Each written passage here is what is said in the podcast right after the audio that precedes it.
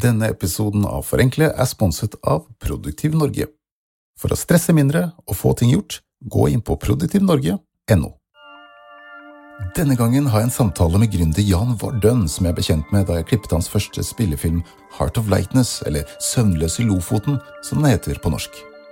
Jeg så da at ikke bare er denne mannen ekstremt produktiv, men han har også en fantastisk evne til å tenke utenfor boksen. Og det liker jeg. For eksempel, da han bestemte seg for å lage denne spillefilmen, før han hadde skaffet verken skuespillere eller filmcrew, så ansatte han to knallgode kokker som skulle lage mat til de som jobbet på filmen. Han var bestemt på at alle involverte uansett skulle spise og drikke godt, og det kan jeg skrive under på at i hvert fall jeg gjorde. Siden den gang har han laget én spillefilm i året, og nylig kjøpte han Frogner kino, som han tenker restaurere tilbake til slik det var i sine glansdager. Jeg møtte Jan på restaurant Smelteverket og snakket om forenkling, om det å tenke utenfor boksen, og jeg forsøkte å finne ut av hemmeligheten bak hans mange suksesser. Jeg håper dere liker det. Dette er Forenkle. Podkasten hvor du kan følge meg, Ove Kenneth Nilsen, når jeg leter høyt og lavt etter de beste hverdagsforenklingene.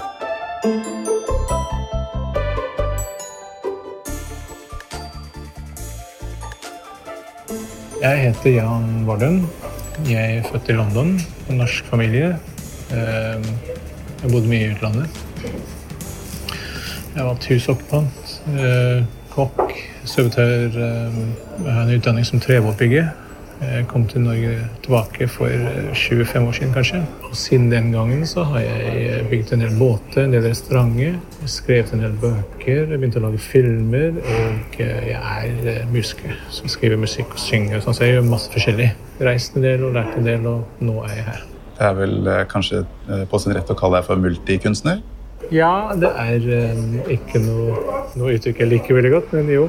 Eh, det er jo kanskje litt negativt ladet.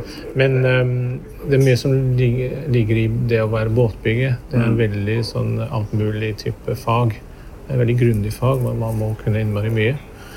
Eh, om treverk og seil og rigg og motor og sveising og liksom det Man skal kunne fikse veldig mye, og man må kunne jobbe selvstendig. Og når man først har drevet med det en stund, så merker man at eh, mer eller mindre alt er mulig. Så prøver man litt forskjellige ting. Og det, det gjør liksom, jeg gjør mye forskjellig. Det funker. Men også det å være husokkupant. Jeg bodde i Brixton i London, og um, der måtte jeg fikse veldig mange utfordringer uten noe som helst penger. Eh, skifte lås, koble, skyve gass, strøm, bygge, skifte vinduer. Liksom. Man har mange praktiske utfordringer som må løses der og da. Og de to tingene sammen gjør at man blir ganske løsningsorientert. Det kommer godt med.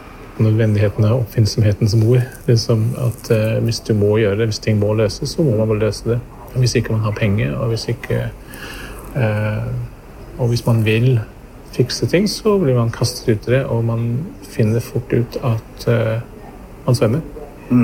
Og det, det tror jeg det er eh, en veldig god forutsetning for å få ting til, er å rett og slett måtte få det til. Men eh, du som har så mange jern i ilden, hva er ditt forhold til forenkling? Hmm. Jeg tenker at eh, hurtigheten er kanskje nøkkel til eh, forenkling. fordi jeg orker ikke å sette i gang ting hvis jeg syns det er veldig kompliserte. Jeg gjør kompliserte ting, men jeg tenker ikke så mye på det. Jeg bare går på, og så rydder opp underveis. Mm. Men hvis man tenker på at det er vanskelig, så, så blir man litt stagget og litt sånn fjettet. Og det, nei, man tenker ikke på hva man går på. Rett og slett. Og du tror kanskje mange gjør ting mer komplisert enn det de faktisk er? Mm, jeg tror det. Hva vil du si er en egenskap som er litt sånn nøkkelen til eh, din suksess? Jeg er litt uredd, kanskje.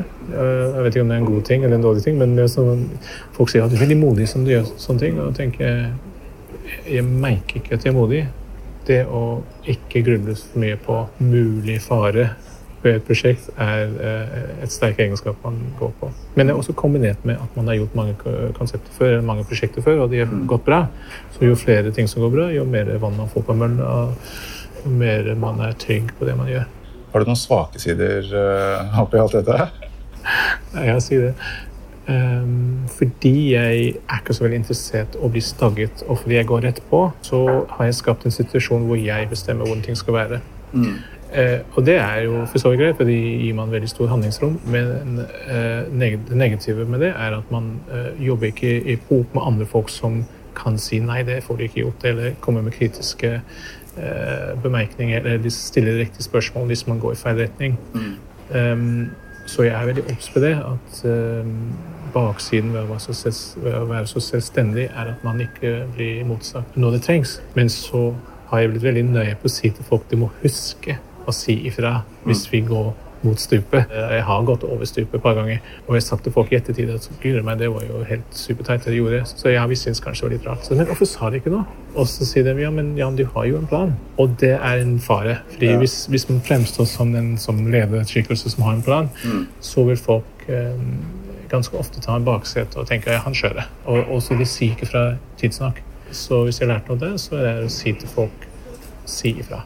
Mm. Og det setter jeg veldig pris på. Du har ikke et uh, konkret eksempel du er villig til å dele? Ja. Uh, spiller musikk, lagd en del plater. Og så har jeg liksom hørt på kanskje fem plater siden en låt som er helt feil tonet Hvor jeg synger eller veldig lavt, eller et eller annet veldig feil. Og så tenkte jeg å nei, det var helt feil. Hva tenkte jeg? Og så sier jeg til resten av bandet hva tenkte jeg? Så sa ja, vi syntes det var litt rart. Så sa men hvorfor sa de ikke noe? Ja, men du Jan, de har jo alltid en plan. Altså det, oh, så, ok, nå må jeg, rett og slett så det det kommer av. Så det er rett og slett blitt nødt til å minne folk om at jeg har gjerne en plan, men, men svinger jeg feil toneart? eller, eller noe, men altså, det er overførbart. Og mm. det er egentlig, vil jeg si, det er um, som kokk. Jeg begynte på kjøkkenet da jeg var 16 i Skrubben, og så jobbet gjennom alle posisjoner på kjøkkenet og, og i restaurant, restaurantverdenen. Så jeg var kjøkkensjef og kokk og sånn. Eh, jeg har en, en, helt som heter Jacques Pepin, som er en fransk kjøkkensjef, men han ga ut en bok som heter Le Technique, som han sier at man skal ikke tenke på oppskrifter, tenke på teknikker. Grunneteknikker. Og når, du, de, når de sitter, så kan du bruke dem i mange mange forskjellige sammenheng. Vi er jo mennesker. Vi kan stort sett det samme. Vi har samme egenskaper, samme muligheter. Men det er noen som føler seg litt sånn avskåret fra å prøve seg som elektriker hvis de først er rørlegger, eller noen som ikke vil være brannmann hvis de først er politimann. Jeg tenker jo, men de, Begge mennesker er i stand til å bytte roller. Mm. Eh, teknikk er liksom fellesnevner. Lær teknikken, og så kan du spre det utover. Mm. Det, som, det som å være multikunstner er liksom å, å, å, identifisere teknikken i forskjellige fag man driver med. Mm. Og når jeg sier til sang i feil toneart et sted så betyr det at eh, jeg burde heller ikke male den veggen grønn, eller eh, man overfører mm. den feilen til andre situasjoner. Så jeg prøver alltid å se liksom parallelle situasjoner, parallelle løsninger. Mm. Det er ikke noe sånn superstor forskjell mellom å være en billedkunstner eller en billedhugger, liksom. Begge to jobber med form og sånn, så man må se på likhetene. Er det litt av hemmeligheten din, at du har blitt flink til å bli flink på et eller annet vis? Ja, altså jeg driver ikke med hjernekirurgi. Liksom det, det, det, er visse fag som er så kompliserte og som er så innviklet at man skal ikke begi seg ut på den. Men det er ikke så veldig mange. Så, så um, hvis f.eks. i en restaurant så har du, man må bygge ventilasjon, rørlegging, strøm, snekring, lakking, mat, alle disse forskjellige ting. Jeg tenker jeg får det ikke til, jeg har ikke råd til å bygge dette hvis ikke jeg gjør det selv. Mm. Så jeg fordyper meg i hvordan ventilasjon fungerer, eller hvordan rørlegging fungerer, eller hvordan elektriske anlegg funker. Alle tre er veldig beslektet. Det er det som er på si, hemmeligheten, at jeg ser at det er mulig har, at, for ethvert menneske, egentlig. Det er mm. mulig å fordype seg i litt forskjellige fag. Du behøver ikke gå helt inn, du behøver ikke bruke ti år på å forstå det ene faget. Ja. Eh, men man kan bruke akkurat nok tid til å forstå det mekaniske det, det logiske i det. Og, og det, det, gjør jeg. Så, så, så det, det, er sjelden at jeg går på noe som virkelig går dårlig.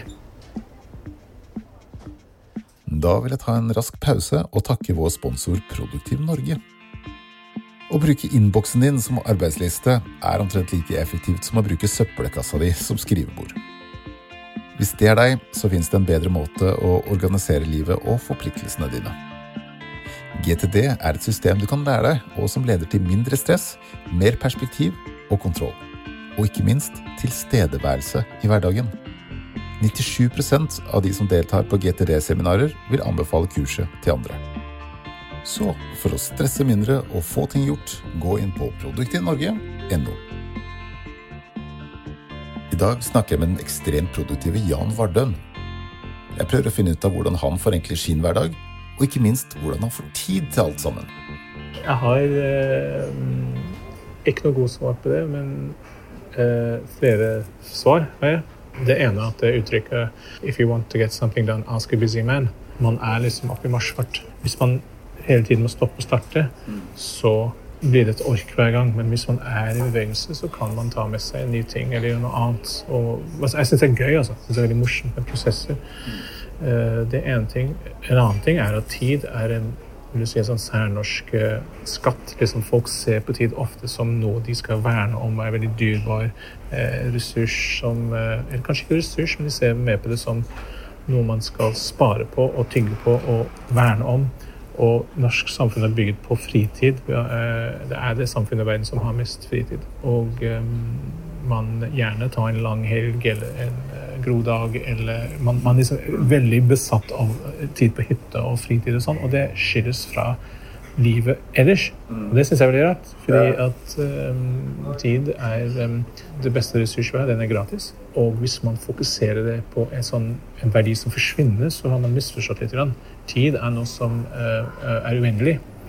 Når folk sier til meg og jeg brukte 600 timer på pusse opp en bil, eksempel, så tenker jeg jeg vet ikke hva 600 timer er. Og jeg er også litt overrasket at folk har telt timer. liksom. Og jeg tenker tid er en ressurs som er uendelig og gratis, og ikke noe man skal verne om. Liksom, eh, tid for meg er mer som et hav som man kan hoppe uti og bruke uten grense. Det er ikke en elv som bare renner forbi og forsvinner fra deg. Så tid er liksom en sånn formløs eh, ressurs som man kan svømme og bade og hoppe uti og ha det gøy med. Eh, Det er ikke noe som du absolutt eh, må på en måte ta veldig mye betalt for. Interessant. Eh, original måte å se på, på tid på. Det er ikke alle, alle kulturer som har den samme oppfatning av tid. Nei, altså i, det, i den eh, industrielle verden så er tiden eh, Tiden eh, på en måte tilmålt, og vi har mange markører som gjør at tiden forsvinner fra oss. I Norge på 1700-1800-tallet så kom engelskmenn og um, brukte billig norsk arbeidskraft i fabrikkene, og de tok med seg klokken, liksom, som var revolusjonære den gang. Liksom, at man måtte være på jobb klokken syv hver morgen. At folk syntes det var et overgrep, overtramp. Um, og smadret klokken i starten, altså, men nå har vi blitt vant til å stemple inn klokken åtte eller ni. og hva det er. Eh, men at nordmenn har det forhold til tid, at det er noe som egentlig De er litt rebeller på den måten der, og det syns jeg er en god ting. Eh, men um, ja, tid er uh, uendelig. Men vi, det blir fylt opp av en moderne multimedieverden hvor vi kan fylle tiden hele tiden med nett og mobil og avis. Liksom alt, alt kommer på en gang. Det er, det er ikke lenger vanskelig å fylle opp tiden. Hvordan prioriterer du? Ta det som jeg kan når det kommer. liksom. Bare få det unna. liksom. Nei, men Jeg velger ting uh, som jeg syns er morsomt. Uh, skapende pro- prosesser, prosjekter. Så jeg, jeg elsker å tenke på hvordan man skal få til noe, hvordan man skal planlegge og tegne og bygge. liksom. Man, man bare hopper ut i det. Du har ikke et godt råd du har fått en gang, som har vært en litt sånn eureka-opplevelse for deg? Jo. Som musiker så ønsket jeg å spille med andre musikere, og var alltid så innmari redd for å spørre dem. Liksom, eh, litt, kanskje litt folk med et navn og litt større. Og så spurte jeg en, en musikervenn som var ganske kjent, og, og jeg har veldig lyst til å spørre ham, men jeg tør ikke. Så hør nå her. Han er musiker. Hva er, det, hva er det han liker best i verden? Å spille musikk. Og gå og spørre ham om han ville spille litt mer musikk. Det er det beste vi kan spørre ham. Og det er liksom Selvfølgelig. Og det var et, et, et sånn vannskille for meg. Så nå, nå spør jeg folk. Jeg, jeg finner ut um, hvem er flinkest til det. Og så sier jeg, det er um, X og Y. Og så, så jeg spørre om de har lyst til å gjøre dette sammen. Og 99 av 100 ganger så sier de ja. Folk vil bli spurt om å drive med noe de liker. Man skal ikke være redd for det. Det er for meg Det var aha. Veldig godt uh, tips. Du har vært gjennom mye, men hvis du da kunne satt deg i en tidsmaskin og reist tilbake til uh, unge Jan, hvilke tips ville du gitt han? Er det noe du ville gjort annerledes? Ja, det, mm, på en måte eh, så ville jeg vært litt, litt mindre redd den gangen da. For jeg, nå vet jeg at det er bare å hoppe ut i det. Det er ikke noe farlig. Man dør ikke. Så jeg hadde på en måte kommet lengre nå. Hadde jeg hoppet ut i ting tidligere, ikke gått rundt og ventet på at liksom alt skal være helt riktig, tenker jeg ville kanskje vært eh, litt mer uredd. Det er litt sånn tema som går igjen. Så rett og slett uh, det, Rett og slett tørre mer. Jeg tror folk generelt er mer redd enn uh, enn de har behov for. Mm, men nå vet jeg det. Det Mm. trenger ikke være det. Alle er nervøse. Mm. Det er liksom livets hemmelighet. Hvis man vet at alle er like nervøse som deg. Ingen liker å stå på en forsamling og si litt om seg selv. Liksom alle, hater, alle, alle er like nervøse som hverandre. Ja.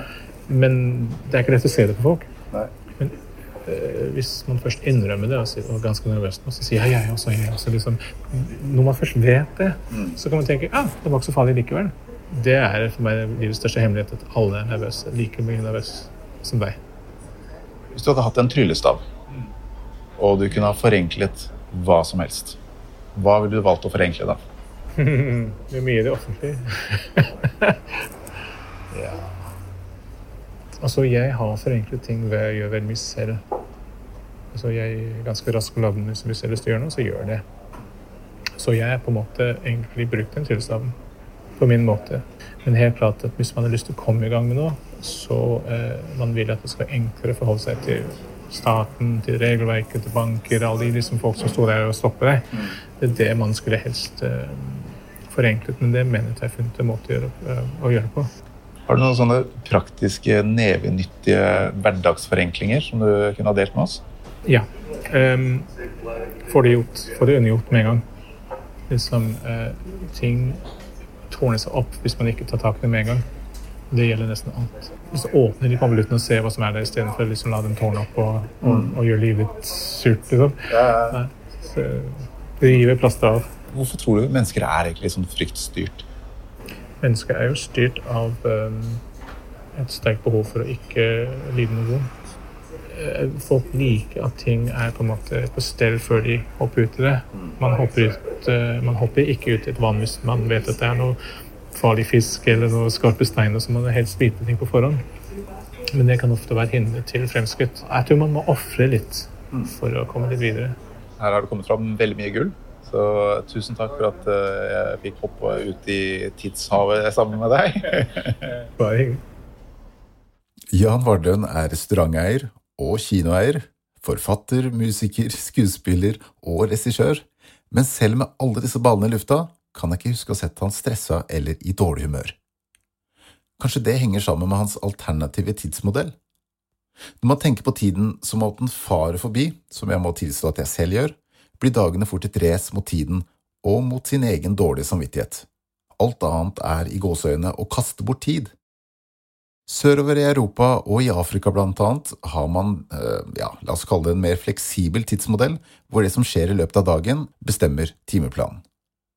Når det gjøres avtaler i den afrikanske siden av familien min, presiserer vi ofte om det dreier seg om African time eller ikke, bare sånn at vi vet om vi trenger å skynde oss. I Amazonas bor det en stamme som heter piraha, som har et ganske forenklet forhold til tid. De har rett og slett ingen ord eller grammatikk i språket sitt som beskriver fortid eller fremtid, og derfor finnes ikke disse begrepene for dem. Bare nå.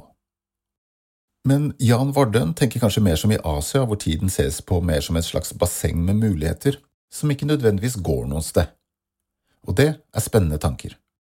Den ene tingen Jan skulle ønske han gjorde annerledes som ung, er å være mer uredd. Frykt er ofte det eneste som hindrer oss fra å oppnå ting. Et triks jeg selv bruker når jeg ja, eksempel skal holde en presentasjon eller lignende, er å minne meg selv om at dette er kanskje skummelt, men bare berg-og-dal-bane-skummelt, ikke liv og død-skummelt, som det gjerne kan føles ut som. Det er som Jan sier, det går bra. En av styrkene til Vardøen er hans uortodokse måte å angripe utfordringer på. Komponist og plateprodusent Brian Eno har jobbet med flere av de største popartistene siden 70-tallet. Etter mye frustrasjon i studio fant han opp et enkelt, men effektivt verktøy for å nettopp tenke utenfor boksen når han satt fast i en kreativ prosess. Ino lagde en kortstokk med tilfeldig underfundige setninger eller instruksjoner man kan følge istedenfor å stå og stange hodet mot veggen. Kortene heter oblique strategies, eller skråstilte strategier, og er ment å minne deg på at den mest åpenbare måten å angripe et problem på, sjelden er den eneste. Kortene ligger ironisk nok i en liten svart boks, og når du trekker ett av kortene, kan det f.eks. stå at du skal gå ut og lukke døra bak deg, eller at du skal gjøre noe kjedelig, eller at du skal spørre kroppen din om svar. Jeg fikk nylig en utgave av Oblique Strategies-kortstokken selv, og den står her i forenklet studio. Og det er en artig og inspirerende sak. Skal vi se, nå skal jeg bare trekke et kort her. Her står det altså In total darkness, in a very large room, very quietly. Eller Trust in the you of now. Utenfor boksen, uten tvil.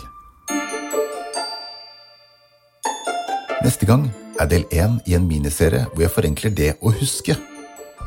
Jeg er ganske distré og glemsk, så jeg har intervjuet en forsker, en psykolog og en minneekspert for å se om jeg kan forbedre hukommelsen. Som en bonus så kommer disse episodene hver uke istedenfor annenhver uke som vanlig. Og det blir tre episoder du sent vil glemme. Altså, den harddisk-metaforen er jo veldig fristende å ty til. Eh, alt som på en måte er en kopi av det som har skjedd. Men hukommelsen er mye mye mer komplisert enn det. Men samtidig, siden vi snakker om forenkling, altså hukommelsen forenkler for oss. Det er det som er eh, hukommelsens natur. Det er det som gjør hukommelsen til noe menneskelig, og ikke en datamaskin. Har du noe på hjertet, er det bare å kontakte meg på forenkle.no eller på Facebook, og jeg tar mer enn gjerne imot lydopptak eller videoopptak av dine beste forenklinger. Forenkle produseres av Hokus Fokus Creative, og produsent er Jon Anders Klausen. Opptakene til intervjuet med Jan Vardøen ble gjort av Bulldoserfilm. Ansvarlig for musikk og miks er Preben Grieg Halvorsen. Jeg heter Ove Kenneth Nilsen, og til neste gang, husk at det meste blir bedre ved å forenkle det.